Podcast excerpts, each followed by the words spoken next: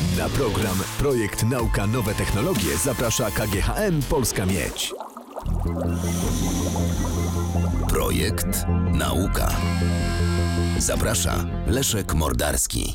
Naszym gościem jest Michał Stefańczyk, y, student Wydziału Nauk Historycznych i Pedagogicznych w Instytucie Psychologii na Uniwersytecie Wrocławskim. Dzień dobry. To ja, dzień dobry. Został pan laureatem konkursu Ministerstwa Nauki i Szkolnictwa Wyższego, konkursu, w którym nagrodą jest diamentowy grant dla młodych badaczy, prawie 180 tysięcy złotych na popchnięcie pana badań do przodu i rzecz bardzo powiedziałbym frapująca, geneza różnic międzypłciowych we wrażliwości na obrzydzenie. Taki jest temat pana pracy. Tak, zgadza się.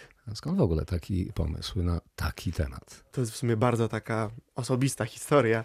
Um, jakiś czas temu um, byłem mocno zaangażowany w, w relację z pewną dziewczyną a, i um, tak, te nasze perypetie trwały czas jakiś i w pewnym momencie mieliśmy taką dosyć e, powiedzmy rozbrajającą obie strony rozmowę. Szczerą? Tak, właśnie, e, podczas której dowiedziałem się kilku rzeczy, które tak potwornie mną wstrząsnęły.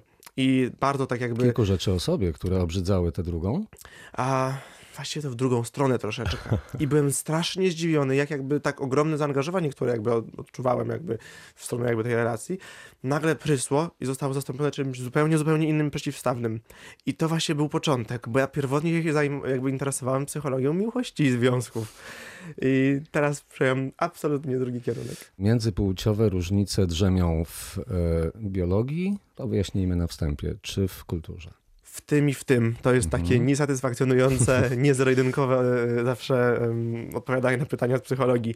Um, aczkolwiek z obrzydzeniem faktycznie jest tak, że te biologiczne podstawy są bardzo, bardzo silne. Tak, i też dlatego właśnie interesuję się tymi różnicami międzypłciowymi, bo zazwyczaj jeśli o takich różnicach można mówić, żeby te różnice były faktycznie silne i stabilne, to to są raczej te oparte właśnie w naszych jakby... Genach. tak, w genach, w naszych, naszych organizmach, aniżeli w powiedzmy uczeniu kulturowym. Nasza ewolucyjna przeszłość, e, na przykład e, nasza Polaków i nasza Niemców, czymś się różni? Coś innego nas e, obrzydza? Myślę, że niekoniecznie na takim poziomie Mhm. byśmy mówili o tym obrzydzeniu, powiedzmy, tym bardzo mm, podstawowym, bo moglibyśmy rozróżnić między nami, a jakąś, nie wiem, inną gałęzią, powiedzmy, sapienców, je, gdyby, gdyby w tym momencie by, byli jego przedstawiciele tutaj obok, bo to mówimy o naprawdę setkach tysięcy lat, jakby, które na to wpłynęły. I Kształtowały Więc- człowieka, Tak. który żyje w każdym Tak, zakątku więc to, że są teraz różnice tam,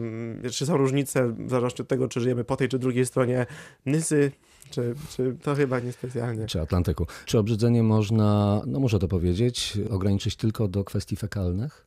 Oj nie, ale to jest bardzo fajne pytanie, bo w tym momencie taką najbardziej, powiedzmy, funkcjonującą teorią obrzydzenia jest tak zwana trójczynnikowa koncepcja obrzydzenia. Tybura z 2009 roku, także dosyć świeża jak, Świeża. Na, jak, Mhm. na, jak na Koncepcja naukowa. Tak, właśnie. I ona zakłada, że są trzy aspekty, trzy domeny obrzydzenia.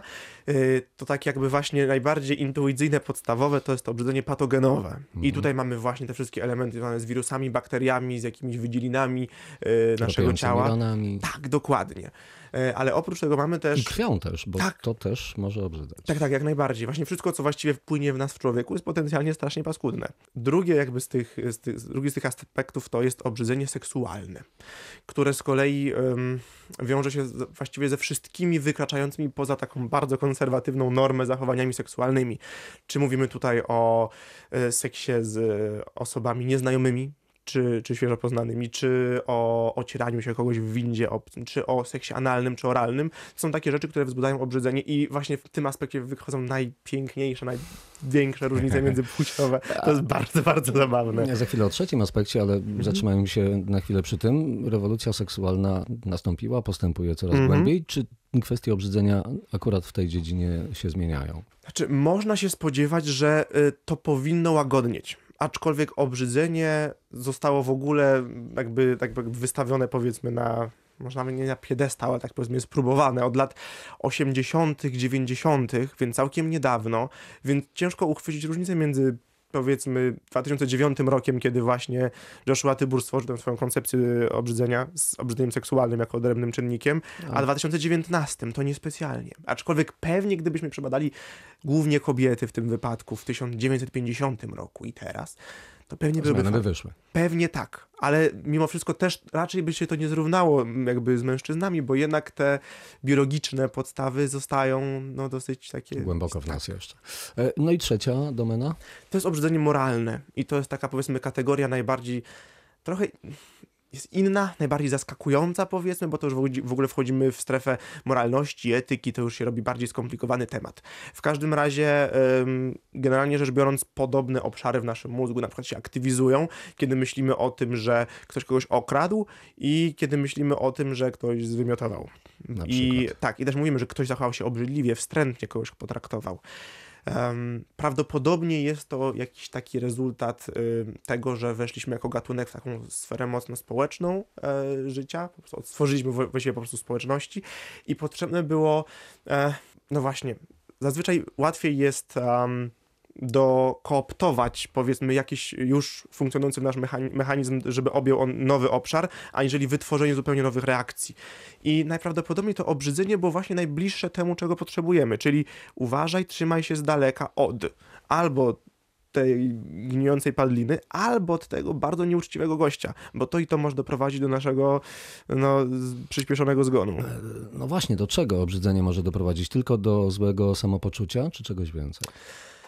Obrzydzenie jakby w swojej esencji służy do tego, żeby odejść od czegoś.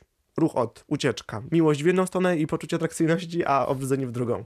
I um, Czyli odsunięcie, odizolowanie się od czynnika obrzydzającego. Tak, dokładnie. Więc em, w ogóle nawet od jakiegoś czasu w psychologii nie mówi się o tym, że mamy, psycholo- że mamy emocje e, pozytywne i negatywne, tylko mamy przyjemne i nieprzyjemne, bo w pewien sposób wszystkie, nawet obrzydzenie jest, e, no, ja bym nawet powiedział, zwłaszcza, ale to jest mój konik, bardzo potrzebne, bo dzięki temu w ogóle możemy przetrwać. Tak, Tak, czy chronimy się przed zagrożeniami w ten sposób też? tak, tak, tak. Tylko zagrożeniami, które nie działają tu i teraz, bo od tego mamy powiedzmy emocje strachu. Jest straszny lew, musimy uciekać w tym momencie. E, ale z kolei obrzydzenie mówi nam, hmm, dlaczego mój kumpel z jaskini w tym momencie e, powiedzmy wymiotuje? Dziwne. E, może lepiej się od niego odsunę, bo ostatnim razem jak widziałem, że naszych dwóch innych kolegów z jaskini, jeden wymiotował, drugi nie, to ten drugi zaczął też wymiotować i potem obaj zginęli. Więc może lepiej się będę trzymał od tego gościa tutaj z daleka. I to tak przychodzi jakby na kolejne, jak powiedzmy, e, bodźce. Może lepiej się trzymać z daleka właśnie od tej gnijącej padliny. Może lepiej trzymać się z daleka od kogoś, kto jest w przypadku obrzydzenia seksualnego trochę zbyt wyzwolony seksualnie, bo kto wie, gdzie on był i co robił. Tak się złożyło, że dużo mówi pan o mężczyznach, ale szuka różnic między mężczyznami a kobietami w tej kwestii. Mhm. Tak, y, generalnie rzecz biorąc, wszystkie rzeczy, o których mówiłem, tak samo dotyczą kobiet i mężczyzn w gruncie rzeczy. Tylko są pewne właśnie te biologiczne podstawy, które implikują istnienie tych różnic i że jakby zachowania okołoobrzydzeniowe mężczyzn i kobiet rozbiegły się w przeciwnych kierunkach. A w którym miejscu? No, psychologia ewolucyjna e, szuka odpowiedzi, a odpowiada w tym miejscu e, poprzez nawiązanie do rozmnażania się i przekazywania genów dalej. A jest taka teoria nakładów rodzicielskich, która zakłada, że mm, no, zakłada, to jest takie dosyć właściwie to po prostu funkcjonuje.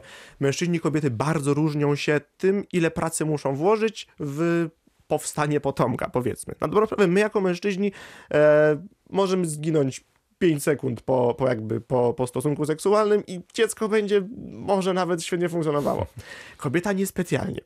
Kobieta musi przeżyć przynajmniej 9 miesięcy jeszcze, a najlepiej jeszcze parę lat, żeby to dziecko jakby doprowadzić do takiego stanu, że poradzi sobie i samo sięgnie po jakiś tam owoc z drzewa. Czyli idąc tym tropem, kwestie połogu bardziej obrzydzają mężczyzn niż kobiety, które no, widzą w tym y, przetrwanie gatunku. Właśnie, nie, nie, niekoniecznie. Um, akurat połk jest ciekawą, ciekawą e, rzeczą, bo faktycznie na to jest, są bardziej wystawione kobiety, więc połk stricte jako ten jakby konkretny bodziec wzbudzający obrzydzenie, może nawet i wzbudza mniejsze obrzydzenie u kobiet niż u mężczyzn, bo, bo musi, no bo gdyby kobiety się tego brzydziły, to by w ogóle nie dopuszczały do tego, żeby rodzić.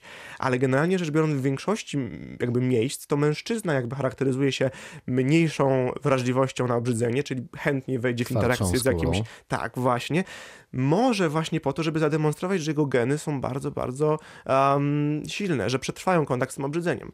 Podczas gdy kobieta nie musi czegoś takiego jakby sobą manifestować. Po pierwsze dlatego, że to mężczyźnie, e, to jakby to kobieta jest bardziej wybredna, jeśli chodzi o, o partnera e, seksualnego, może sobie na to pozwolić podczas gdy to mężczyźni się starają i bardziej rywalizują ze sobą wewnątrzpłciowo. Poza tym, no mężczyzna, który powiedzmy jest obrzydliwy albo pozwala sobie na bardziej ekstremalne zachowania, powiedzmy w sferze seksualnej, a jest oceniany mniej negatywnie niż kobieta, która tak samo się zachowuje. Dlaczego? No bo generalnie rzecz biorąc, no kobieta jest ważniejsza. I co więcej, to ona musi dbać za dwie osoby w przyszłości.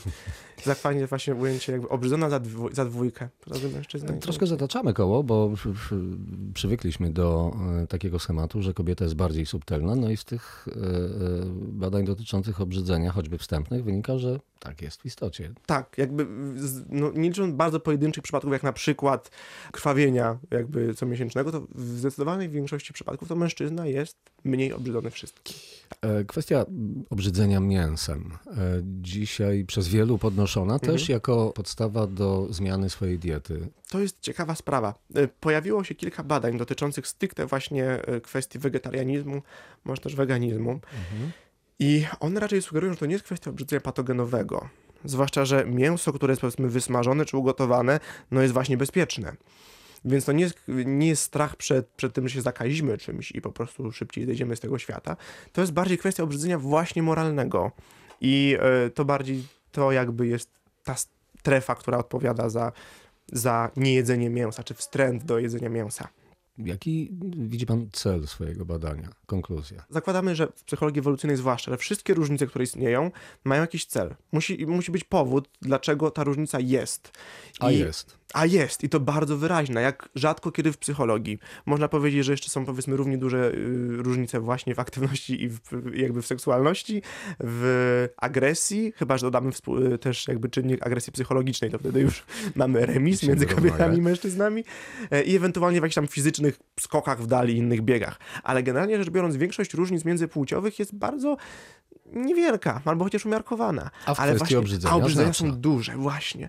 I interesuje mnie, dlaczego tak jest. Dotychczasowe badania skupiają się na obrzydzeniu, bardziej na jego, powiedzmy, skutkach bezpośrednich, albo na tym, że, albo jeśli już mówią o obrzydzeniu w kwestii różnic międzypłciowych, to tak a przy okazji był taki efekt, pewnie dlatego i dlatego. Jakieś tam propozycje rzucają, ale nikt ich nie weryfikuje.